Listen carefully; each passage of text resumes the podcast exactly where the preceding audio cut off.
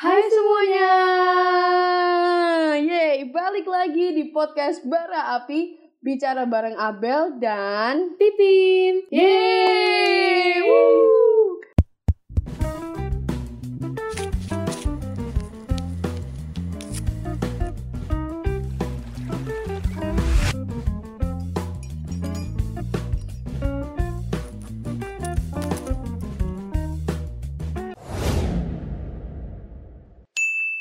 Kembali lagi teman-teman di podcast di episode kesekian ini ya Pim ya. Waduh nggak terasa kita udah ke episode berapa nih ya? Udah Udah ke-6 Bel. Mantap. Nah, kita mau ngingetin ya buat teman-teman yang belum mendengarkan podcast sebelumnya, yang pastinya nggak kalah seru dengan podcast-podcast selanjutnya ini. Jangan lupa stay tune juga. Kalian bisa follow at remaja GKI PTI dan di situ kalian juga bisa update tentang eh, episode-episode terbaru kita guys. Bener banget, Pim. Eh, Pim, BTW gimana kabarmu? Kamu kan habis ujian nih, ya kan? Kelas 12 kan habis ujian kan, Pim? Iya Bel, aku habis ujian UTBK nih buat masuk perguruan tinggi negeri. Wih, wih, wih, wih, wih. Oke siap Pim, semoga bisa masuk ke apa namanya universitas yang kamu mau, Amin, ya kan? amin, amin, amin. Gimana tuh Pim? Susah nggak tuh Pim UTBK Pim? Eh, ya walaupun beberapa bulan ini udah persiapan tapi ya Mm-mm. masih ada aja lah kayak kesulitan dalam soalnya dalam ya pas hari hanya juga gitu kayak agak grogi kayak atau apa gitulah. Eh, itu wajar sih ya Pim ya, wajar banget kan. Kalau misalnya kita ujian ulangan harian aja, kita deg-degan kadang, apalagi UTBK kan, ya kan? Bel. Berarti kamu udah ini ya Pim ya persiapan untuk mau masuk ke universitas gitu kan Pim? iya bel bener. Kamu tau gak sih Pim? Kan kamu lagi persiapan nih kan masuk ke perkuliahan gitu kan? Mm-mm. Nah, kamu udah tahu belum program-programmu di kuliahan gitu kan? Contohnya misal student exchange, terus join degree, double degree, itu kan ada ya Pim ya kalau nggak salah tuh di dunia perkuliahan. Mm-mm. Aku pernah denger ya denger dikit-dikit aja sih bel kayak Mm-mm. dari mama aku kan mamaku dosen. Nah Oh Um, iya iya iya, banyak tuh informasinya kan. Eh, dia sekitar apa deket eh kok deket denger-denger dikit-dikit lah.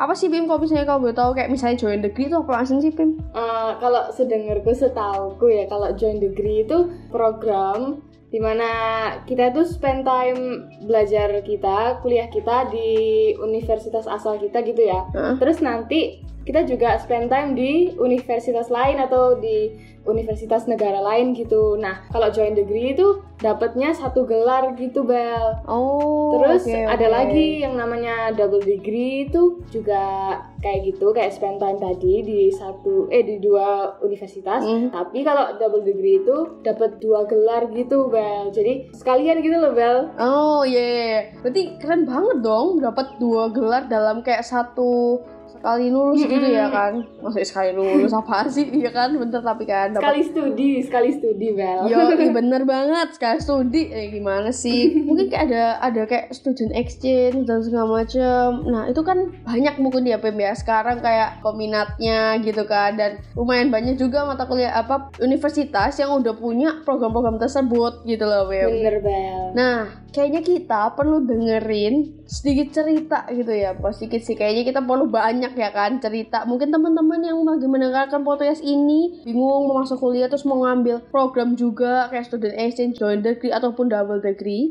Nah, kita sudah kedatangan bintang tamu yang dari tadi udah nunggu-nunggu ya kan. Dan bintang tamu ini lagi kerja di lawangan ya kan. Lagi alone juga kayaknya. Ya Pim ya langsung aja Pim.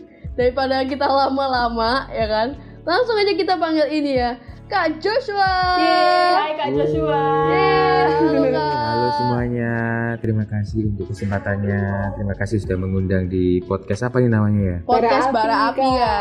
Apa? Podcast? Bara Api. Oh, podcast Bara Api. Halo pendengar Yoi. podcast Bara Api. Saya Joshua Dilbert dari Pemuda GKI Pondok Chandra Indah. Yeay. Asik. Ini dia guys Iya, Kak iya, iya. Joshua. Pasti Halo. eh, apa namanya? Pada dengar lah ya nama Kak Joshua, Kak Joshua gitu kan. Pemain kajun, Waduh. jago main gitar. Banget. Tim. Kominfo. Aduh. Keren banget ya Pim ya. Aktif dan banget ya. aja. Yoi, aktif banget. Nah, kita tuh Aktif ya bun. bisa bisa tuh kayak di TikTok TikTok aktif ya bun Iya. gitu. Jadi teman-teman ini yang pada dengerin kan ada juga yang mungkin sudah lulus, ada juga yang apa namanya baru lulus dan mau masuk ke universitas gitu ya Iya. kan, kampus dan segala macam. Nah, apalagi sekarang itu banyak program-program yang bisa mereka ikutin gitu kak. Contohnya seperti kayak Kak Joshua ini pernah ikut student exchange ya kak ya? Betul sekali. Dulu berkesempatan student exchange dari Universitas Kristen Petra Mm-mm. di Taiwan di Iso University di kota Kaohsiung selama satu tahun. Wah, keren banget kan. Kita mau mendengarkan sedikit cerita gitu kan dari pengalamannya Kak Joshua. Gimana sih Kak? Kok bisa Kak Joshua itu memilih student exchange ke Taiwan? Jadi cerita awalnya itu pada saat Januari 2018 itu sama dosen wali saya diumumkan kalau memang setiap tahun ada program namanya exchange student sekalian belajar bahasa sekalian magang. Hmm, sekalian magang di luar negeri. Pilihannya pada saat itu di China sama di Taiwan. Oke. nah itu diumumkan pada saat Januari. Untuk pendaftarannya dibuka di bulan Juni Hmm, hmm. untuk memasukkan berkasnya itu Mei sampai dengan Juni. Nah, pada saat itu akhirnya diberitahu ke China sama ke Taiwan, searching searching searching, akhirnya saya tertarik untuk pergian ke Taiwan oke. karena eh, ada beberapa pertimbangan dibanding China. Akhirnya saya pilih ke Taiwan. Terus sebelumnya setelah Hmm. memasukkan surat-surat dan persyaratan diterima di bulan Juli itu Oh. diterima dan kemudian untuk pembayaran dan kemudian nanti di bulan Agustus berangkat. Hmm. Tuh ceri- cerita singkatnya seperti itu. Terus, nah kenapa tertarik pergi ke Taiwan sih? Karena pertama karena saya masih muda kan, kita masih muda, terus pengen mencoba hal-hal baru, mencoba hal-hal yang nggak pernah coba sebelumnya, Hmm. terus pengen juga nambah koneksi, nambah pengalaman. Pokoknya coba aja lah gitu, karena mumpung masih muda dan difasilitasi juga sama universitas, sama kampus, sama jurusan.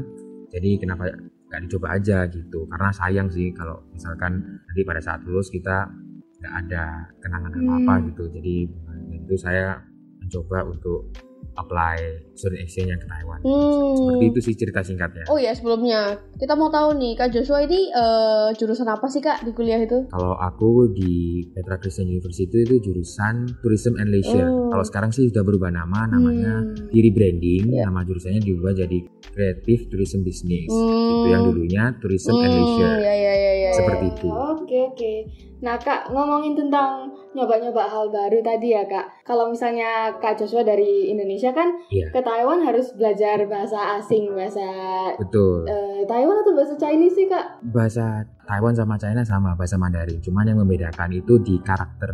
Kalau kita pernah lihat Mm-mm. karakter Mandarin tulisannya itu berbeda. Kalau yang di Taiwan itu memakai karakter yang tradisional, Mm-mm. yang lebih banyak guratannya dibanding dengan yang simplified yang baru itu di China. Oh oke. Itu mereka pakai yang namanya simplified, simplified Hanzi. Kalau di Taiwan pakai traditional Hanzi. Itu aja yang membedakan. Tapi sama- mereka sama-sama memakai bahasa ibunya pakai bahasa Mandarin. Oh oke itu. lebih tradisional ya Kak ya kalau yang di Taiwan itu ya. Iya, tradisional dalam hal itu di tulisannya.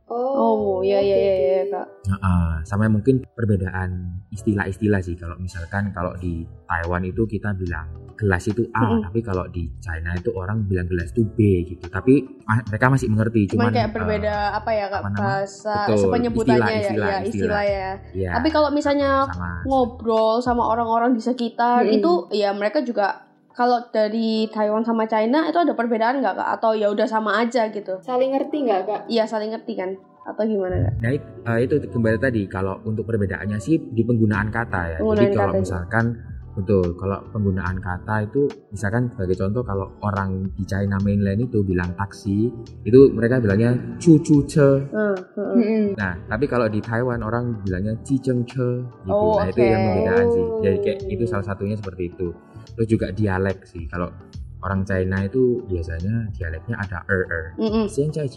Nah ada er ya. Tapi kalau orang Taiwan itu dia mereka cuma bilang Sentai Nah, jadi nggak ada aksen er-nya itu hmm. jadi bisa kalau kita di Taiwan kalau kita dengar orang ngomong ada er-nya itu pasti mereka dari mainland dari China, China. Oh. datang iya atau mereka either itu turis atau orang dari China kerja di Taiwan seperti itu oh, oke oke oke oh, menarik ya menarik banget sih yeah. menarik banget sih kayak mempelajari culture-nya juga gitu kan jadinya Betul. bisa ngelihat secara langsung gitu kan kak iya yeah. Kak Joshua sebelum ke Taiwan itu eh, udah punya dasar bahasa Mandarin nggak kak? Atau harus belajar lagi? Sebelumnya kalau kita sekolah di Petra dari SD sampai SMP itu belajar Mandarin Ada ya? Dulu saya ya ada kan kalau misalnya kita sekolah dari SD sampai SMP di, di Petra tuh masih ada Mandarin. Iya kalau dulu saya lahir sih SMP pakai Mandarin. Pas Oh, SMA oke. kurikulumnya diganti nggak ada Mandarin. Beda Itu- ya. heeh. Iya. Dulu basicnya sih saya cuman ingat pada saat berangkat ke Taiwan itu saya nekat aja pokoknya berangkat di sana nekat lah nanti belajar di sana aja Hmm. terserah mau ngomong apa gitu. Saya cuman ngerti itu wah ini I love you itu sama Basic ya, basic iya, ya. wah ini heeh. iya wah ini terus apa nama cincwo Duduk, silakan silakan duduk gitu duduk. aja sama siesye siesye Iya, Nah, itu aja modal tiga itu kosakata Benar, iya. benar, benar, oh, sama benar, satu lagi Apa? ni hao ni hao Oh ni iya, Oh iya, halo ya. Iya. Nihao gitu. Itu biasanya buat greeting ya kak. Ya Iya. kalau di sekolah kan kayak langsungnya ngomong galala cincol gitu Iya kan. betul, ya itu Oh, aja bener. ingat. Dari 6 apa? Eh, bisa bisa. 6 tambah 3 9 tahun dulu SD SMP itu cuma 4 kosakata itu yang saya ingat. gitu. eh. Berarti Kak Joshua pas belajar di sana kan belajarnya itu dari kayak ada kelas intensif gitu atau cuman belajar dari keseharian orang-orang di sana atau gimana Kak? Nah, kalau kita ini cerita sebelumnya ya, ceritanya itu Hmm. kalau kita di tourism, di tourism itu ada mata kuliah bahasa. Ada Hmm, mata hmm. kuliah bahasa Jepang sama Mandarin. Mandarin 1, Mandarin 2, Jepang 1, Jepang 2. Nah, kebetulan saya memilih yang Mandarin. Hmm, Jadi, dua semester sebelumnya sebelum berangkat itu sudah belajar Mandarin 1 dan Mandarin 2. Ya itu nggak terlalu basic gimana sih? Ya basic ke intermediate. Oke. seperti itu basicnya seperti itu untuk dibekali sebelum kita berangkat meskipun kita berangkat atau Mm-mm. enggak tapi tetap kita harus ambil mata kuliah itu nah pada saat sudah sampai di Taiwan itu bukan kelas basic lagi tetapi langsung kelas eh, intermediate sih kalau saya boleh bilang karena itu langsung spesifik ke hal-hal perhotelan karena dulu saya pada saat ke Taiwan itu magang juga Hmm, jadi sekalian exchange sekalian magang jadi langsung peminatan bahasanya itu bahasa kerja yang bahasa formal seperti itu jadi bukan lagi yang basic i ersan wo itu bukan lagi jadi Mhm. langsung spesifik ke kosakata kerja Di sana ya, Kak, belajarnya ya? iya Oke, betul. oke. tapi untuk pembekalan di Petranya sendiri masih yang ya yang basic sih basic Mm-mm. gitu. Oh. Susah nggak Kak? yang yang gimana yang susah Waktu kan kalau pas di Indonesia kan belajarnya ya kayak kita basic gitu kan kayak di yang kita dapat di Petra itu dari SD kadang itu kan wah ini gitu eh wah ini Iya, woni iya. gitu kan tas atau apa segala macam. Iya. Nah itu kan Kak Joshua kan juga apa ya model nekat juga gitu kan betul dan pastinya bahasa dalam perhotelan pariwisata dengan bahasa kesehari-harinya kan juga beda ya kak. iya Nah itu Kak Joshua mengalami kesulitan dan gimana Kak Joshua bisa eh, mengatasi kesulitannya Ya Kak Joshua itu? jujur aja sangat sulit. Sulitnya karena kalau kita diajarin lause kita di sekolah itu lause masih ngomong pakai speed yang Hmm. sangat slow. Oh iya. Wo I ni ya i er sana. Tapi pada saat kita sampai di negara tujuan di Taiwan itu udah nggak ada pakai speed yang slow. Mereka langsung hajar speed cepat. Jadi kita sebagai yang masih amatir itu pasti nggak ngerti mereka ngomong apa karena ngomongnya cepet-cepet gitu. Karena Hmm, mereka kan hmm. native speaker. Jadi cara bicaranya tuh cepet. Jadi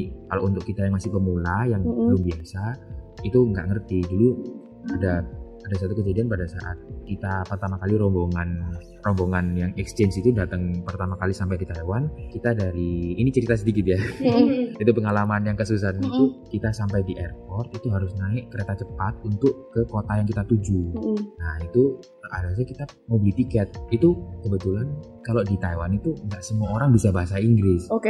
Mm. Heeh. gitu jadi cuman orang-orang tertentu yang bisa bahasa Inggris seperti kayak mungkin anak-anak muda Kayak di Jepang gitu ya kayak, kayak iya yang apa namanya mungkin udah eh, lansia atau dewasa ke atas itu kayak susah untuk berbahasa Inggris gitu ya. betul kecuali kalau guru ya Oh, iya. itu ya atau enggak orang-orang di hotel lah itu biasanya bahasa bahasa Inggris nah itu kebetulan kita habis dari airport kita mau ke kota tujuan kita kita turun dari airport kita mau naik kereta cepat mau beli tiket Nah, itu kita satu rombongan itu yang 11 orang gak ada yang bisa ngomong Mandarin Waduh. Waduh. bisa pun sebelumnya mereka yang sudah les itu basic. Itu saya sendiri sih yang nggak les nggak les intensif sebelum berangkat ya dua bulan itu karena teman-teman saya saya dengar itu sebelumnya les intensif. Tapi pada saat terjun ke dunia yang sungguhan di net apa negara tersebut udah lupa semua karena udah beda yang kita pelajari nah, Iya. itu kita ngandalin Google Translate Waduh. orang Google Translate kan kadang Heeh. ngawur ya Google Translate kan translate Hmm. ngawur orangnya nggak ngerti juga akhirnya kita coba ngomong kita mau pergi ke sini itu orang tiketingnya tuh nggak ngerti Hah, apa nih anak mau ngomong Oh. apa sampai hahaha Bingung Karena ya. kebetulan yang betul kebetulan yang Sama-sama layan bingung. eh, eh, kebetulan yang layanin tuh nenek-nenek Oh. ah, ya hampir oma lah hampir oma Oke, gitu oke. tiketing itu tugas tiketingnya kebetulan di belakang kita itu ada ada ibu-ibu tuh bisa bahasa Inggris. Kelihatan muka muka kita kan bukan orang eh, meskipun mukanya China juga ya teman-teman tuh kan mukanya Eh, Tionghoa tapi kan dari logatnya bukan orang asli. Akhirnya Oke. orang belakang kita membantu.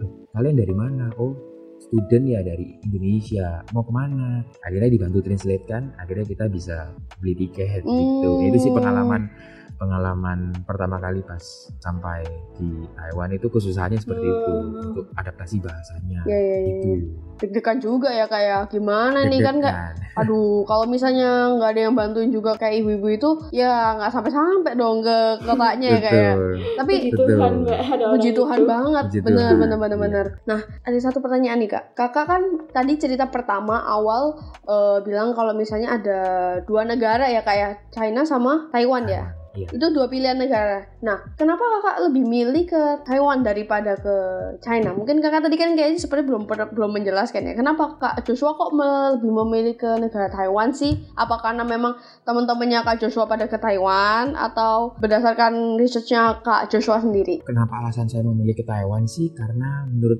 artik beberapa artikel ekspatriat di internet yang saya baca itu Mm-mm. eh, orang lebih condong milih untuk living yang enak, yang aman dan ini bukan maksudnya menyudutkan suatu negara ya, tapi maksudnya ini menurut preferensi masing-masing subjektif ya. Itu kalau di Taiwan itu lebih aman dan kemudian orangnya lebih sopan dibandingkan negara China seperti itu Hmm. gitu sih dan dan dia lebih foreigner friendly Oke, oke, jadi oke. lebih welcome lebih Heeh. welcome ke foreigner Hmm. dan kalau untuk apa indeks Hah? kenyamanan kehidupan sih pas yang saya baca itu ya itu lebih orang lebih nyaman Di Taiwan ya. ekspatriat lebih nyaman di Taiwan nah itu yang mendasari kenapa saya milih di Taiwan daripada di China seperti itu Oh, ya ya ya ya ya, ya. Itu guys. Jadi eh, berdasarkan ini berdasarkan pengalamannya Kak Joshua ya, real ya guys. Jadi eh, di Taiwan tuh Kak Joshua itu juga berdasarkan riset, bukan berdasarkan ikut-ikutan ya kayak. Iya. Terus mungkin lebih nyaman dan aman gitu dan mungkin ada komunitas juga ya kayak di sana ya untuk orang-orang Indonesia ya kayak. ada kalau kalau untuk komunitas orang Indonesia sih saya itu ikut di gereja Indonesia Oh, Karena oke. di Taiwan tuh ada ya di Taiwan ada gereja untuk foreigner yang bilingual yang Mandarin Mandarin Inggris dan ada gereja Indonesia. Kebetulan pada saat itu saya masuk di gereja IFGF cabang Taiwan Oh, oke. di kota Kaohsiung itu bahasa Indonesia. Kalau di Surabaya kan juga ada Mm-mm. IFGF Mm-mm. Surabaya yang di barat itu. Nah ini IFGF tapi yang di Taiwan di kota Kaohsiung gitu. Hmm. Itu pada itu ya. Jadi komunitas yang saya masukin di untuk orang Indonesia di gereja. Oh, oke oke oke. Kalau untuk komunitas yang lain itu saya ikut di sekolah komunitas volley, anu grup sih, Oke. grup volley gitu, ekstrakurikuler. Ekstra ya kayak kayak ekstra gitu ya. Ekstrakurikuler volley. Berarti itu Hmm. campuran ya orangnya kak yang di volley itu. Itu kebetulan saya yang foreigner sendiri Oh, ya. alah. Jadi yang lainnya full Taiwan. Wih, Oh. keren keren keren. Itu juga ada cerita uniknya juga sih di situ. Boleh ceritain dong, boleh dong kasih sedikit cerita Iya, dong. Jadi kan pada saat saya masuk itu eh, masuk semester baru. Heeh. Nah itu kan pasti kalau misalkan di universitas-universitas kan ada perkenalan UMKM. Kalau di Indonesia ada UMK, Yes. UM, UMKM, UKM sorry UMKM kan usaha usaha Oh. menengah kecil. Iya juga ya. ya, ya maksud saya UKM. Kalau di Oke. Kementerian ada UKM. Nah pada saat itu ada perkenalan UKM UKM, organisasi-organisasi atau grup-grup ada dance, ada theater, terus ada olahraga. Nah pada saat itu saya tertuju ada yang poli karena di Indonesia kan saya di sini kan saya juga ikut poli dulunya. Nah, pada saat Mm-mm, saya mm-mm. ikut poli, terus akhirnya diumumkan, oh ya jangan lupa nanti udah saya daftar, jangan lupa nanti datang hari ini jam segini di tempat ini. Ya udah, akhirnya saya datang. Pada saat saya datang itu isinya semua orang Taiwan. Oh, kaget ya kok lo sendirian gitu. Dan ada satu orang sih foreigner itu dari Amerika Latin, dari negara El Salvador. Oh iya. dari El Salvador itu saya yang yang foreigner itu saya sama teman saya dari El Salvador yang lainnya itu ada 50-an lebih itu itu dari Taiwan semua orang Taiwan Mm-mm. asli nah kemudian pada saat disuruh perkenalan anak-anak di sana nggak ada yang bisa bahasa Inggris Waduh. nah itu oke. pusing akhirnya Perkenalannya memang harusnya pakai bahasa Inggris atau bahasa Taiwan juga. Harusnya kan pakai bahasa Mandarin kan ya? iya pakai bahasa Mandarin kebetulan tuh mayoritas semua nggak ada yang bisa bahasa Inggris bisa pun cuman yang kayak one one two you go there you go there ah ah, ah gitu jadi pada saat itu Oh. kejadian lucunya tuh nggak ada yang mau ngomong sama saya sama teman saya karena Oh. bukan bukan masalah apa, karena mereka nggak ada yang bisa bisa. bahasa Inggris Gak iya bisa. Oh, Oke oke oke. Nah, akhirnya pada saat mau perkenalan ada satu senior datang, satu senior Mm-mm. dari UKM itu datang, lu ada apa ini gitu. Oh ini senior itu maksudnya yang sudah senior itu yang udah kakak tingkat ya. Mm-mm. Hmm. Kakak tingkatnya datang, lu ada apa ini? Oh ini ada anak baru. Tapi mereka nggak bisa bahasa Mandarin. Akhirnya kakak tingkatnya ini kebetulan bisa bahasa Inggris dan Oh. lumayan Oh lancar. puji Tuhan. Puji Iya, Tuhan, akhirnya iya, akhirnya dia yang mencoba translatekan bahasa saya ke teman-teman satu grup itu yang isinya sekitar 50 orangan itu. Hmm. Akhirnya saya ikut satu semester, teman saya yang dari El Salvador itu cuma dua pertemuan udah keluar. Jadi saya akhirnya satu semester itu sendirian Sendirian. untuk iya di, di Oh. UKM itu di UKM Volley itu.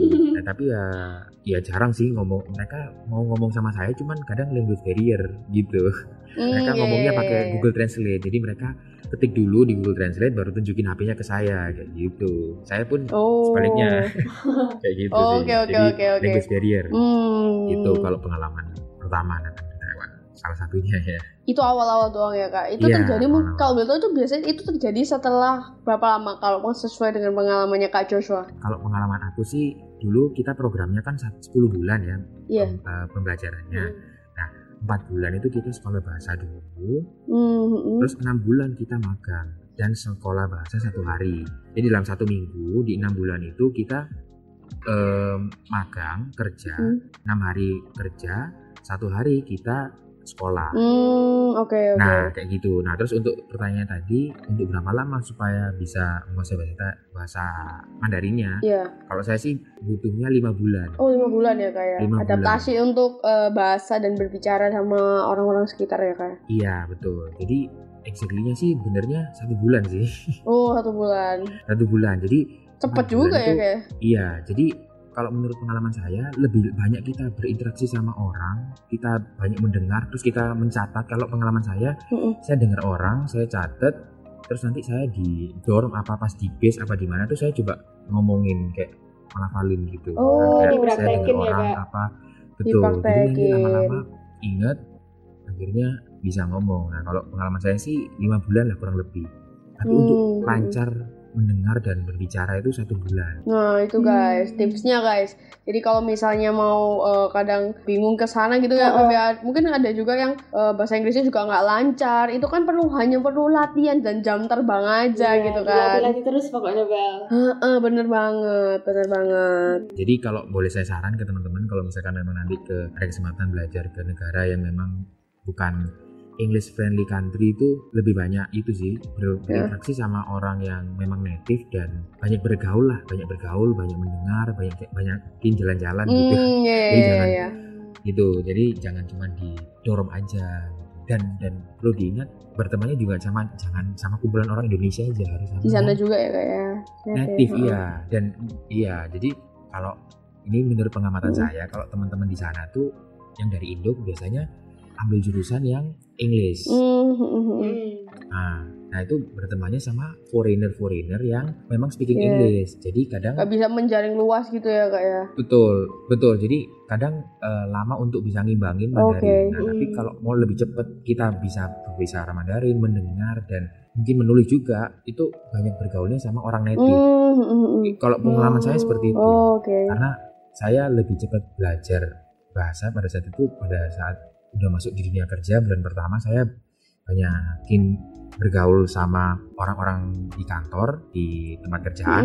Saya dengar ya akhirnya saya coba praktekin itu lebih cepat daripada kalau misalkan kita cuman belajar di kelas kayak gitu sih Oh, oke oke oke oke oke.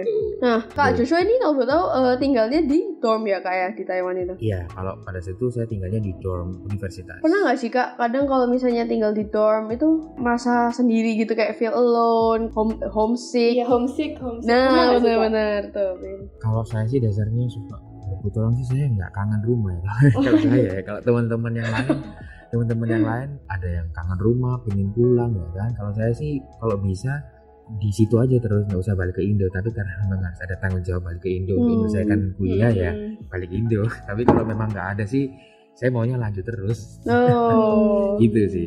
Kalau merasa sendiri enggak karena di di dorm sendiri kan ada teman-teman juga. Ada teman-teman dari Indo ada teman-teman dari negara lain juga biasanya kita ketemuannya itu di Hmm. lapangan olahraga atau di tempat gym atau di lorong-lorong itu biasanya kita ya kayak orang Indonesia tiba-tiba cuman mengangguk gitu hai hai nanti akhirnya ngomong-ngomong hai kamu dari mana dari mana ya itu kita apa banyakin berteman aja jadi biar nggak feel alone Hmm. kan kita tujuannya tujuannya ke negara orang kan juga untuk menjaring pertemanan membangun, ya apa, kak ya. membangun ya Iya.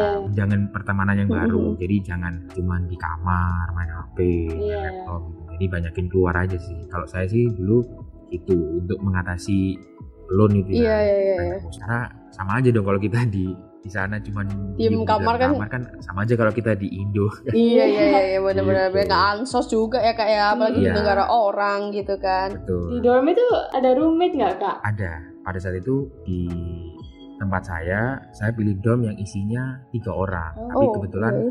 Karena di kamar saya cuma dua orang sama satu jurusan sama saya dari Petra juga jadi teman sendiri tapi kalau misalkan kita apply langsung ke tempat kuliahnya satu dorm isi tiga orang dan itu mix kita nggak bisa milih dari negara mana pun kita harus terima Oh, dan oke, kalau oke. di saya dua orang gitu jadi aku sama temanku oke oke. dua Hmm, isi Oke dua oke kak. Nah, Eh, ini kak eh, terakhir nih. Kan banyak teman-teman kita yang mungkin masih memikirkan kayak masa depan kayak udah kelas 12 ataupun yang kelas 10 dan kelas 11 ya Em, kakak punya saran nggak?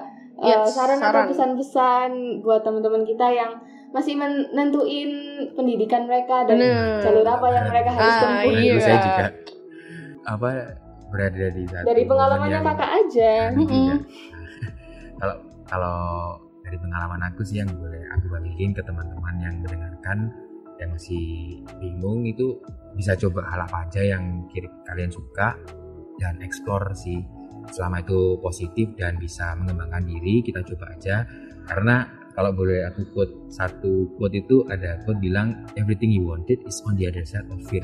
Wih, Wih, sedap. Sedep, banget Jadi, tuh. Apa tuh mungkin, artinya? um, apa yang kita takutin itu barangkali kalau kita coba itu bisa menjadi satu turning point yang itu bisa mengubah hidup kita atau bisa develop atau mengembangkan diri kita jadi maka dari itu kembali lagi kalau dari aku sih coba apa aja Mm. sih gitu jadi jangan takut takut gagal lah takut apa tapi Harus berani selama- ekspor ya kak ya. betul selama kita masih muda dan itu yang Mm. kita coba itu positif dan bisa membuat diri kita lebih berkembang coba aja. Karena apa mungkin aja apa yang kita sebelumnya takutkan apa yang kita nggak mau pas kita coba eh kita seneng nah itu menjadi satu titik di mana kita nanti bisa lebih baik lagi dari poin itu. Maksudnya kita bisa lebih berkembang dari apa yang dari kita takutkan sebelumnya itu Hmm, Siap. harus keluar dari zona nyaman ya kak berarti Bener, Betul sih, zona betul, betul. nyaman kayak lagu aja Pim, zona nyaman Pim. Zona nyaman, mantep. Tuh teman-teman. kalau sebentar ya Hmm, kalau boleh apa aku tuh? kaitkan kalau boleh aku kaitkan sih sama pekerjaan aku sekarang ya. Maksudnya dari apa yang aku omongkan sebelumnya sama yang pekerjaan aku sekarang jadi kalau sebelumnya tuh aku pada saat kuliah sekolah dulu tuh paling males kalau memang kalau disuruh jadi sales jadi penjualan gitu loh Oh, Oke. oke, soalnya harus nawar-nawarin ya kak ya. betul mulai mulai satu kerja aduh sales apa sih Mhm. nawar-nawarin tapi akhirnya eh, aku sekarang posisi kerja sebagai sales gitu marketing and Hmm, sales gitu. hmm, pada saat aku udah coba terjun ke dunianya eh ternyata gini ternyata gini banyak ketemu orang banyak bisa mengerti karakteristik orang banyak terus bagaimana kita hadapi orang terus bagaimana kita negosiasi dan eh, dan lain-lain jadi yang ingin aku sampaikan sih coba aja gitu bisa aja apa yang kita sebelumnya mau coba tapi pas kita coba kita suka dan itu bisa membuat kita lebih berkembang gitu. Ya, itu kalau bisa Oh. menyambungkan dari apa yang aku omongin sama realita yang aku alami sekarang ya, ya. kayak gitu. Ya ya ya ya, bener sih kak. Kadang kan kalau sales itu kan juga kendalanya sering ditolak, kadang juga Betul. dimaki gitu kan. Iya, Ya kan bener kak. iya, betul. Pasti pasti akan berat ya kak ya. Pertama kali menjalanin. Cuman ketika kita udah tahu cara untuk menyelesaikannya, terus kita eh, mau belajar dan mencoba untuk mencintai pekerjaannya, itu bukan itu kayak bukan sebuah sebuah masalah, tapi kayak sebuah challenge yang di mana kita harus menyelesaikan menyelesaikan kayak main game saja gitu ya kan nggak eh, beberapa banget. pesan dari Kak. Joshua yang Gitu. positif banget buat kita ya Pim ya buat apa ya semangat kita gitu membangun apalagi eh, mungkin kayak Pim ini kelas 12 udah mau masuk ke universitas itu juga jangan patah semangat teman-teman. Kalau misalnya pengen masuk universitas maksudnya universitas yang diinginkan cuman kadang kan ada juga yang pasti gagal gitu kan atau belum lulus dan segala macam. Nah teman-teman tetap semangat ya kan semua harus dicoba harus berani gagal gitu Wis, kan mantap, supaya bisa mantap, mantap. menghasilkan hasil yang terbaik gitu deh. Beruntung banget kita bisa dengar langsung dari yang udah berpengalaman Bel. Mantep. Yeay, makasih kak. Sama-sama. Terima kasih juga untuk kesempatannya ya boleh sharing kepada kami. Iya, Terima siap, kasih Kak. banget ya Kak Jo sudah mau Terima kasih. membagikan pengalaman bersama kita kita ini kan bela-belain di tengah pekerjaannya harus di luar kota dan segala macam masih mau sharing guys sama kita kita makasih banget kak ya nggak usah sedih Iya, iya, gitu iya, iya. kak nggak Iya, usah sama-sama, ya sama-sama. kan. Oke, oke, oke. Oke. Dan kita juga mengucapkan terima kasih buat teman-teman yang udah dengerin podcast Yes. ini. Dan jangan lupa guys, nantikan episode-episode berikutnya dan juga jangan lupa buat dengerin episode-episode lainnya yang sebelum episode ke-6 ini. Yoi, dan jangan lupa Pim untuk nge-follow juga Instagramnya Remaja GKIPTI. Nah ini Yoi. Kak Joshua juga punya Instagram gak kak? Nih, yang kali aja yang pengen kepo Iya, Kak. nih. Monggo, Ada. Bagiin, monggo. Kalau untuk Instagram pribadi aku ada di Jos underscore Dilbert Delta D I L B E R T. Siap, ntar langsung naik nih followersnya abis ini kak Siap, siap. Agak berat ya, ntar buat kita nih buat naikin followersnya Kak Joshua Oke Oke siap, Iya, iya. thank you banget juga ya sekali lagi ya buat teman-teman yang udah dengerin. Semoga hal-hal positif pembicaraan kita hari ini bisa teman-teman ambil, yang negatif dibuang aja guys, oke? Nantikan episode selanjutnya yang pastinya nggak akan kalah seru dengan episode kali ini dan sebelum-sebelumnya. Oke guys, Sekian kita dari Bar Api Bicara Bareng Abel dan Pipim. See you in the next episode guys. Bye. Bye.